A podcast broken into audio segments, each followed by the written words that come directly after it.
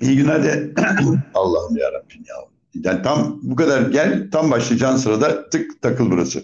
Hepinize iyi günler diliyorum. 7 Nisan'dayız Cuma günü. Haftanın son çalışma günü. Ee, iki gün kaldı listelerin açıklanmasına. MHP tek başına girme kararı aldı. Bunların hepsini anlatacağım. Ama önce dün merak edenler oldu tabii. Ee, hani erken yayın yaptım ya dün mahkemeye gidiyorum diye. Tabii soruyor herkes ne mahkemesiydi falan diye. Aslında şu iki yıl önce ki 15 Temmuz olayları e, nedeniyle yaptığım bir konuşma. Tatil yerindeydim. 15 Temmuz'da yapılmış bir konuşmaydı. 2021 yılı. E, o sırada Erol Olçoğ'un eşi hani şu köprüde öldürülen e, oğluyla beraber öldürülen Erol Olçok e, AKP'nin beyni gibiydi. Yani bütün propaganda onun üzerindeydi. Ve hani işte o bulunan sloganlar, müzikler, Tayyip Erdoğan'ın konuşmaları falan hepsini Erol çok yapardı. Ama o gece garip bir şekilde öldürüldü. Ondan sonra da AKP'nin bu e, halkla ilişkiler ve propaganda e, olayı bana göre çöktü. E, çökmekle de kalmadı. Saçma sapan bir hale geldi. Böyle çok bilmiş adamlar kendi kendilerine bir şey yaptılar. Tabii iktidarın çok yıpranmış olması, artık e, giderek aşağı doğru inmesi falan bunların hepsi de mutlaka çok etkili oldu ama hani Erol Olçok gibi birinin olmaması sıkıntıydı. Her neyse. E, sonuçta orada Erol Olçok'un ailesi yani e, babası, şey eşi değil. Onlar zaten ayrıydılar. Hakkında bir suç duyurusunda bulunup şikayetçi olmuşlar. Yani işte Erol Olçok'un manevi şahsiyetine e, hakaret etti falan filan diye. Ben o davadan beraat ettim. Ancak savcı e, diyor ki bu konuda beraat etti ancak konuşmanın bütünü izlendiği zaman e, bu kişinin darbeyi bir tür oyun olduğunu ve bunu bizzat Tayyip Erdoğan tarafından planlandığını ifade etmektedir. Bu nedenle bir yıldan dört yıla kadar hapsini istiyor 299. maddeye göre. E, dün ilk duruşmaydı. İlk duruşmalar olunca mecburen gidiliyor. Ben de gittim. E, aslında şey yani e, hakimler, hakim ve savcı hakimler değil tabii hakim ve savcı. Çok genç insanlardı. Ben şaşırdım yani hakikaten bugüne kadar gördüğüm en genç hakim ve savcıydı herhalde. 30'lu yaşlarda ya var ya yoklar.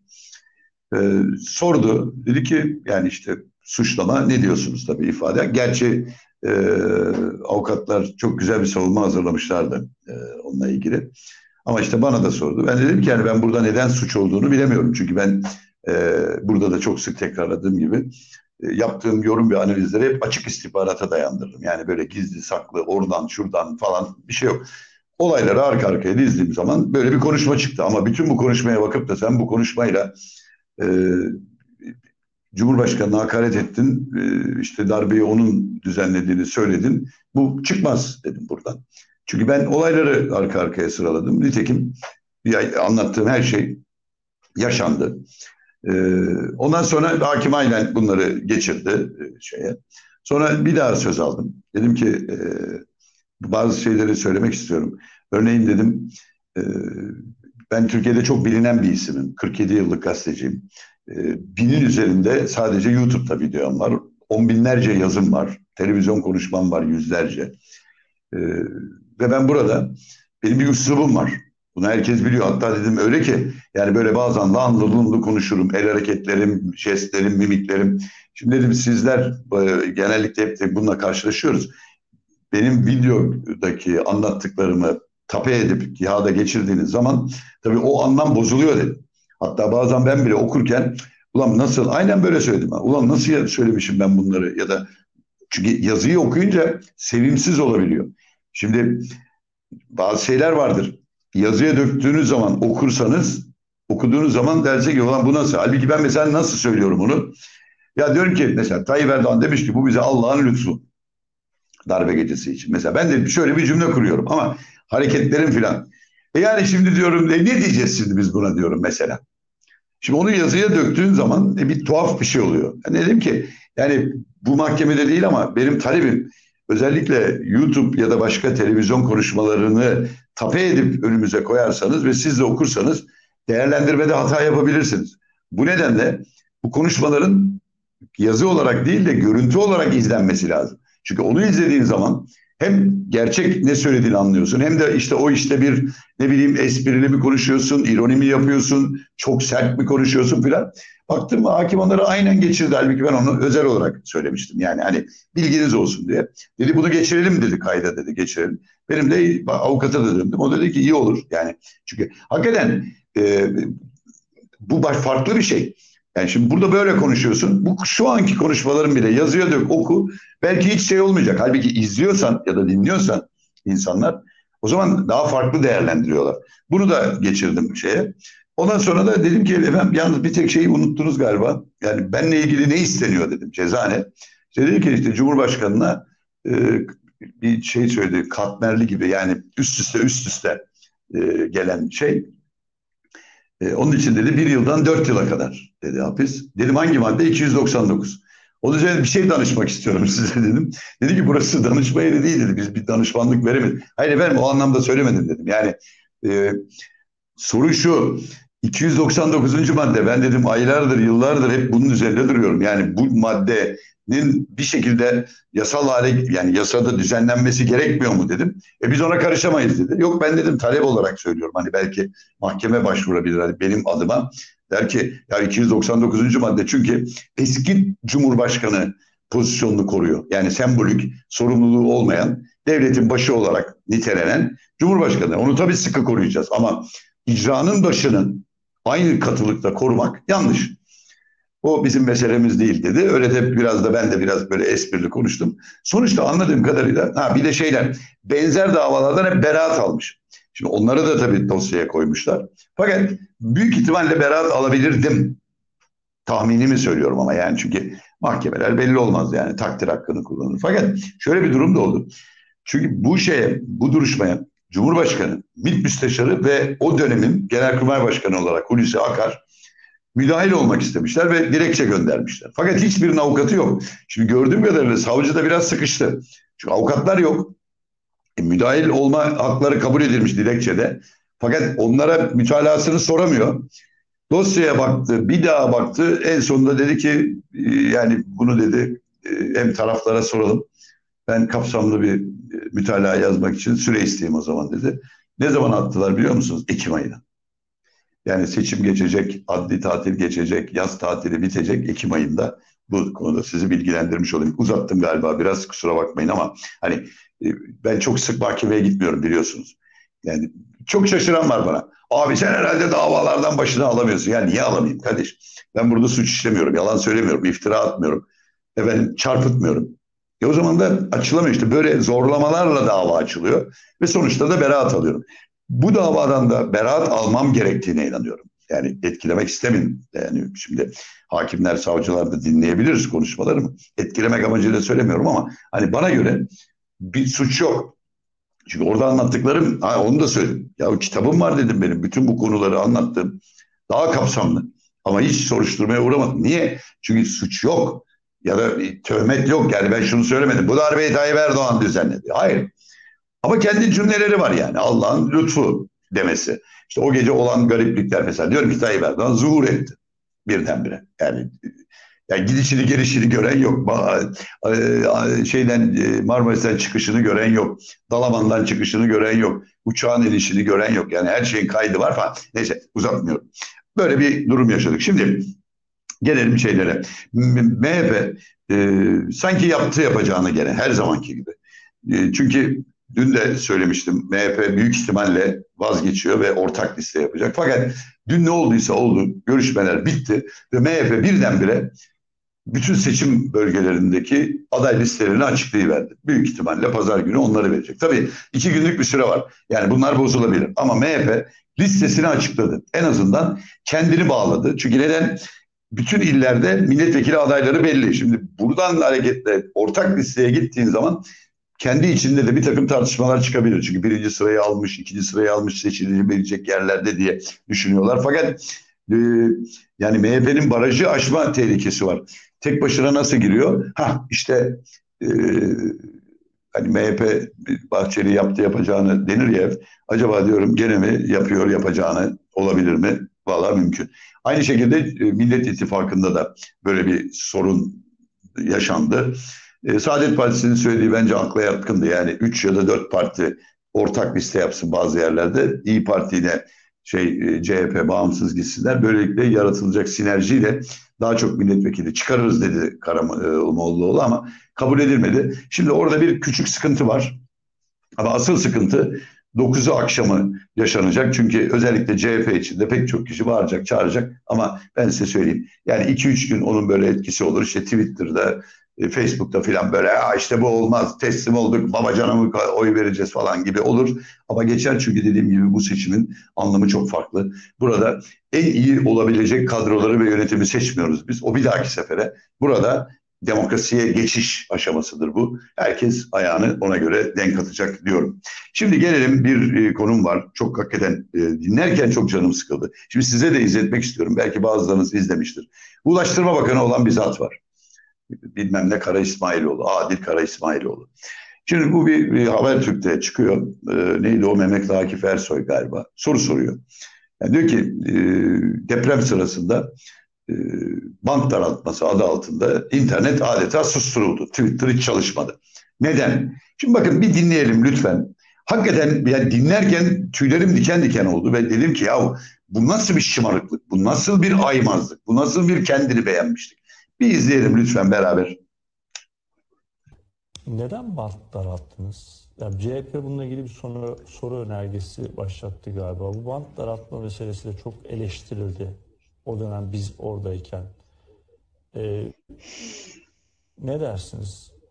Yani bu e, mahkemeye de intikal etmiş bir orada biz arkadaşlar da sınavlarını yapıyorlar. Yani öyle e, bir durum e, gerekli bir durum vardı ki bu yapıldı.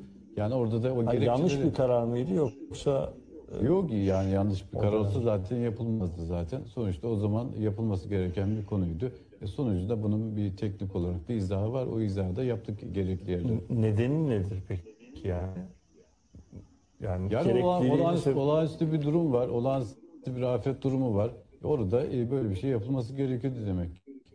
Güvenlikle ilgili bir şey mi? Ya?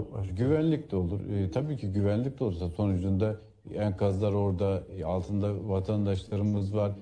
E, burada sosyal medya üzerinden hani yaşayıp e, bir sürü olumsuzluklar yaşamıştık. Yani o zaman zaten yargıda intikal etmiş bir konu. Orada da gerekli açıklamalar yapıldı zaten. Yani görüyorsunuz değil mi? Bir adamın bir bir kere bir şımarıklık, bir de e, çaresizlik var işin içinde. Ya bir şey söyleyeceğim. Bakın o gün o saatlerde internetin daraltılması belki binlerce cana mal oldu ya.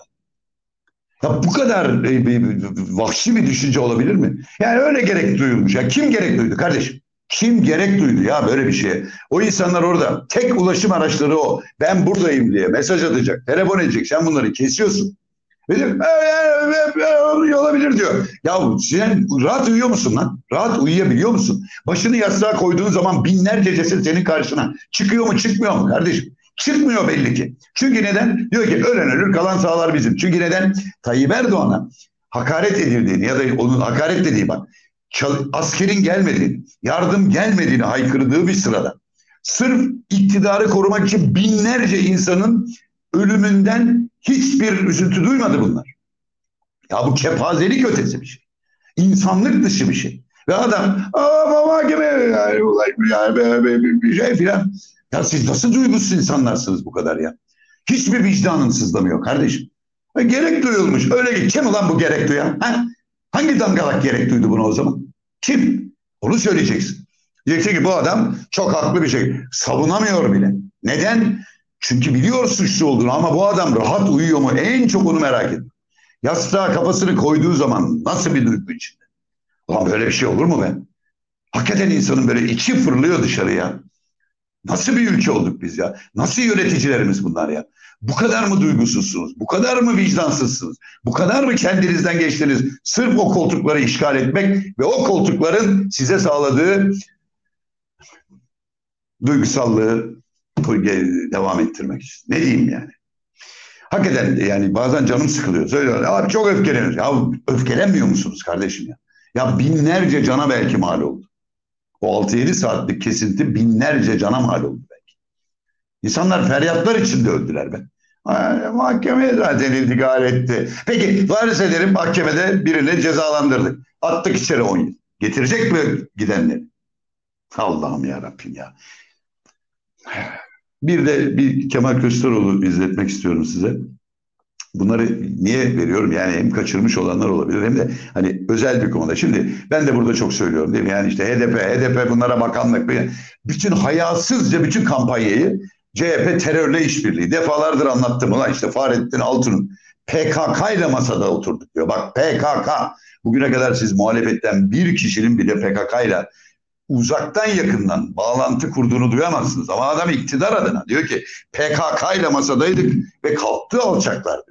O zaman diyor HDP'nin tabii diyor önemi daha arttı. Sırtına yük bindi. Bunları yok sayıyor. Utanmadan sıkılmadan bir sürü kendine gazeteci süsü vermiş. Bir çare yazılar yazıyorlar. Efendim duymadın mı sırrı sakın dediğini? Yüz yıllık bilmem neyle yapacak. Yok kapalı kapılar ardından. Var kardeşim geçen gün anlattım. Sokaktaki vata umurunda bile değil. 3-5 tane geri zekalı aptal veya biz PKK'ya mı oy vereceğiz falan diyebilir. Bunlara da kendini kandırırsın milleti etkilemeye çalışırsın. Bak şimdi Kılıçdaroğlu HDP ile ilgili açıklaması var. Yani soru üzerine. Bana şey geldi çünkü benim de bugüne kadar çok kullandığım bazı kalıpları kullanmış. O da hoşuma gitti diyeceğim açıkçası. Bakın bir dinleyelim şimdi. Erdoğan diyor Evet. ki teröre karşı taviz veren bir zihniyet olacak. HDP bütün mevcudiyetiyle masaya oturmuştur. İttifak yapılmıyor deniyor ama orada vardır. Bir işbirliği vardır. Ne vaat edildi? Bu çerçevede eleştiriler var. Ne yanıt verirsiniz? Niye gelip karşıma bunları söylemiyor? Niye cesaret edemiyor? Gelsin karşıma söylesin. Ben de cevabını tak tak tak tak söyleyeyim. Ya akıl alacak şey değil. Bir, teröre karşıyız. Kimden gelirse gelsin, nereden gelirse gelsin teröre karşı. 50 sefer söyledik ya, 100 sefer söyledik, 1000 sefer söyledik ya. Gidip onlarla sohbet eden, konuşan, kucaklaşan sensin kardeşim ya. Biz teröre karşıyız. Hiçbir partiyi de dışlamıyoruz. Peki öyleyse Allah aşkına HDP'li milletvekili Türkiye Büyük Millet Meclisi'ni yönetmiyor mu? Ne diyecek Erdoğan? Ucuz suçlamalar artık milletin karnı tok. Teröre karşıyız. Nereden gelirse gelsin. Kimden gelirse gel. Çünkü terör bir insanlık suçudur. Buradan bağıran, çağıran Erdoğan 33 askerimiz şehit oldu. Nefesini nerede aldı? Putin'in kapısında. Putin ne yaptı? Açtı kronometreyi. Kaç dakika beklettiğini gösterdi bütün dünyaya. Sonra içeriye aldı. Türkiye Cumhuriyeti devletini temsil eden bir kişi bu pozisyona düşemez. Düşmemeli. Bay Kemal asla düşmeyecek. Hiç kimseye ödün vermeyecek. Bakmayın öyle afra tafra yapıp bizi suçlamalarına. Allah aşkına ya aptal olma diye bir mektup alan kişi nasıl olur da dünya lideri olur ya? Nasıl olur da buna bir tek laf bile etmez? ya? Tek cümle bile etmez. Efendim bak beni kızdırma senin mal varlığını araştırırım dedi. Trump tek cümle kurmadı. Araştırmazsan namertsin demedi. Diyemedi. Ama bana söylesinler. Araştırmazsanız namertiz. Bakın buralardan çıksın konuşsun. Niye konuşmuyor? Peki. Terör. Hangi terör? Ya PKK terör örgütünün saldırısına uğrayan benim. El bebek gül bebek edilen de oydu. Akıl alacak şey değil. Evet, şimdi haksız mı? Bakın HDP konusunda aylardır konuşuyorum. Fikrimi de biliyorsunuz. PKK bir terör örgütü mü? Evet. Cumhuriyet Halk Partisi ya da Millet İttifakı'nın bütün bileşenleri PKK'nın terör örgütü olmadığını söyleyen bir tanesi var mı? Yok.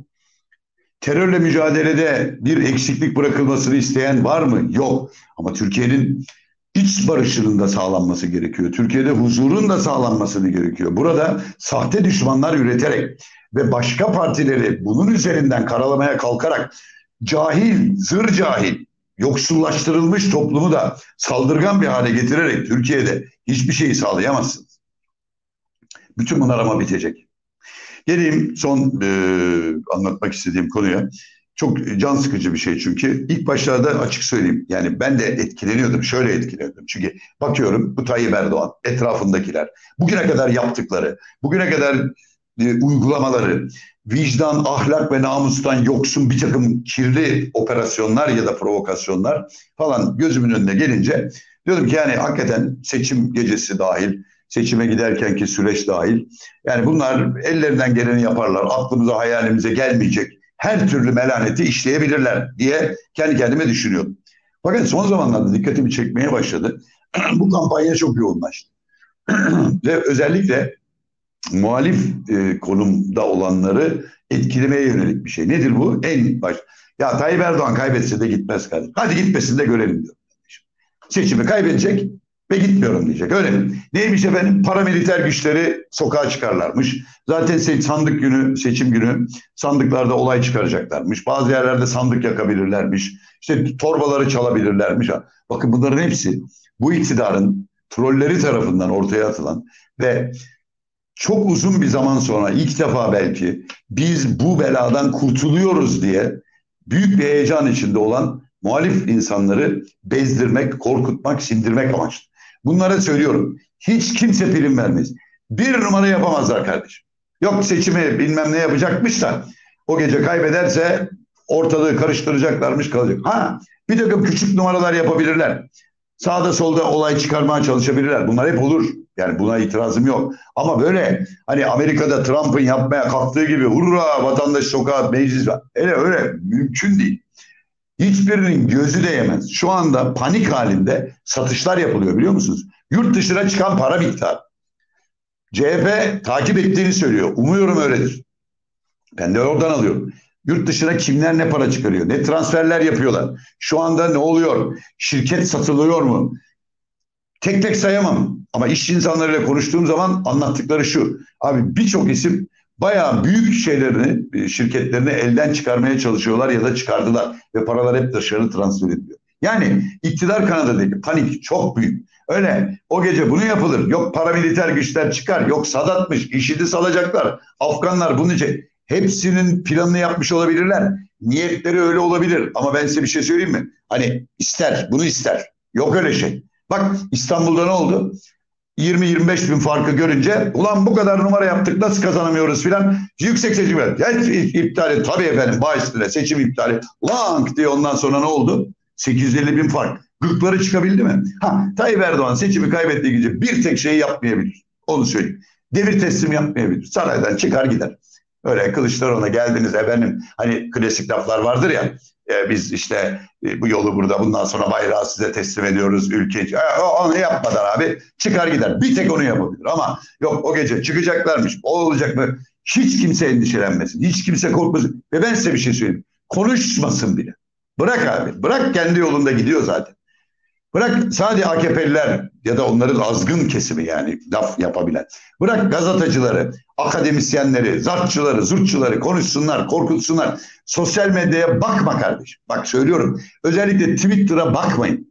Facebook o kadar değil. Çünkü Facebook'ta kendi iç grupları orada o ona söyler, o ona söyler filan. Ama bu Twitter'mış bilmem. Bakma kardeşim. TikTok uğraşma. Gelin anlatıyoruz burada. Beğendiğiniz, sevdiğiniz, e, sözüne inandığınız kişileri izleyin. Onlara bakın. Seçimlerde oyunuzu kullanın. Onun dışında da hiçbir şey kavga bile etmeyin. Sadece ben oyun veriyorum kardeşim sen de ver. Akıllı ol da. Basit cevaplar. Adam diyor herkeste para var gaz çıkıyor. Oğlum sen onu alabiliyor musun? Ona bak. Top çok güzel abi alabiliyor musun? Yetiyor mu para? Bana caz yapma. Bunları söyleyin. Sakince, gülerek, esprilerle. Bak müthiş bir seçim kampanyası yakaladılar. Yine de bahar gelecek. Bahar gelecek kardeşim. Ona bakın. O yolda gidin. Hiç umursamayın diyorum. Evet yarın ve pazar günü e, sizden gelen soru cevap e, soruları cevaplamaya çalışacağım. Bazı eleştiriler var bu hafta geldi. Onlarla ilgili hem cevaplarımı vereceğim hem de eleştirilerde e, doğru, haklı onları anlatmaya çalışacağım. Ve tabii e, laf lafı açacak e, yeni yorum ve analizlerle ve haftanın da genel olarak değerlendirmesiyle e, bir hafta sonu birlikte geçireceğiz diyorum. Hepinize iyilikler, esenlikler, iyi hafta sonları. Hoşçakalın.